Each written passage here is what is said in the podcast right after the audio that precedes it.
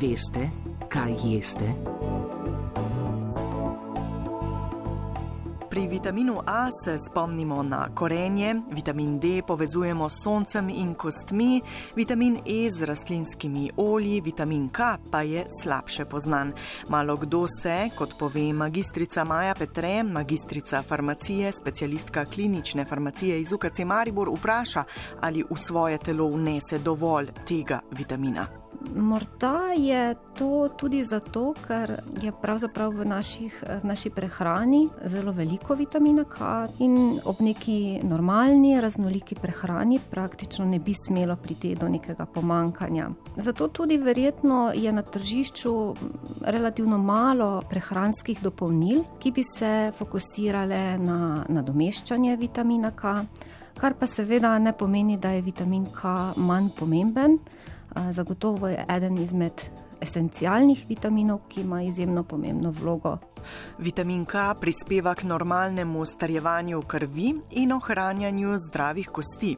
Je torej ključen pri preprečevanju spontanih krvavitev in zlomov. Ampak to bi bilo res ob tistem večtedenskem, premajhnem vnosu vitamina K, bi mi že lahko zaznali neke spremembe v recimo v hemostazi krvi, bi se to že poznalo na laboratorijskih meritvah, pomerili bi podaljšan protrombinski čas in tako.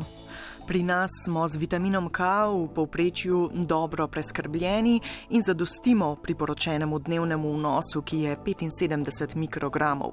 Redke pa so skupine ljudi oziroma bolnikov, pri katerih prihaja do pomankanja tega vitamina. Recimo ena izmed takšnih skupin bolnikov so bolniki, ki se zdravijo z enimi specifičnimi zdravili, to so kumarinski antikoagulanti, ki v bistvu zavirajo delovanje vitamina K. Neka druga skupina bolnikov ali pa ljudi je takšnih, ki recimo potrebujejo zelo dolgo trajno zdravljenje z antibiotiki. Namreč tudi naše bakterije v našem črvesju so sposobne sinteze vitamina K.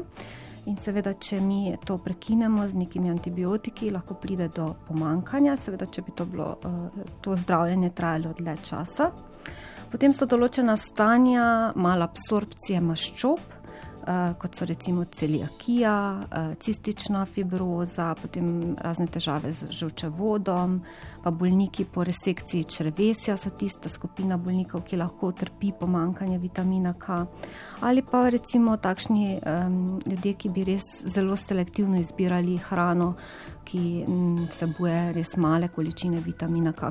Kar je, kot rečeno, zaradi vse splošne prisotnosti tega vitamina v živilih težko dosegljivo imamo tri top živila, ki vsebujejo največ vitamina K. To so recimo špinača, ohrovt in belo zelje. Nasplošno pa velja, da najdemo vitamin K tako v rastlinski prehrani kot v živalski prehrani pri čemer vitamin Ka najdemo, um, Ka, to je en, en od vitamerov, vitamina K, najdemo v rastlinski hrani, predvsem v tistih, ki ima temno-zelene liste. Drugi pomembni viri so rastlinska olja in recimo maslo. Potem pa imamo vitamin K2, ki pa ga najdemo predvsem v živalski hrani. Najbolj bogati vir so produkti jeter različnih živali ali pa tudi v fermentirani hrani, kjer v bistvu bakterije tvorijo oziroma producirajo vitamin K, to pa so različne vrste sirov, skuta, jogurti, najdemo ga tudi v raznih vrstah sadja, najbolj bogate z, z vitaminom K so borovnice, potem tudi v nektarinah, jabolkah, bananah. Nekaj majhnega najdem, ga najdemo tudi v ribah, tako da res zelo široka paleta živil, ki vsebuje vitamin K.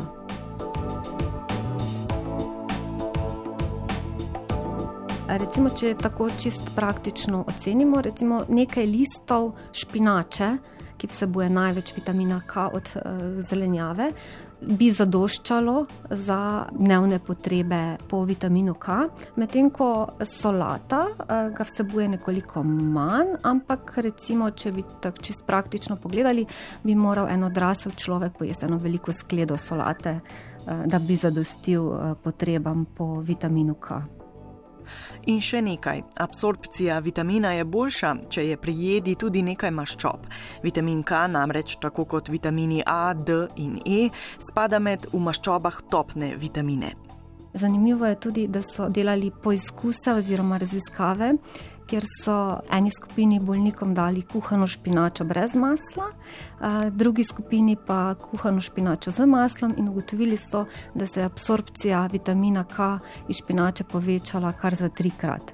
Tako da um, res uh, dodatek maščobe je tisti pomemben člen, ki lahko izbolj, izboljša absorpcijo vitamina K, predvsem iz rastlinske hrane, ker je ta vitamin K nekako inkorporiran v te kloroplaste rastlin in se nekoliko težje tudi sprosti iz rastlinske hrane. Živila, ki je absolutni zmagovalec v vsebnosti tega vitamina, sicer na naših vrtovih ali trgovskih policah ne bomo našli. V svetu pa je najbogatejša hrana, eh, v bistvu, ki vsebuje uh, vitamin K, um, fermentirana soja, ki, ki izvira iz Japonske. Reč, te jedi se reče NATO. Vsebuje pa več kot dvakrat več vitamina K um, kot špinača, uh, predvsem vitamina K2, tega menakinona 7, ki ga sicer v drugi prehrani ne najdemo tako zelo v, v obilnih količinah. To je takšna ena posebna fermentirana soja, ki verjetno najbrž ni prodrla k nam prav zaradi tega, ker ima izrazit von po amonijaku in je verjetno z tega stališča tudi ni najbolj priljubljena.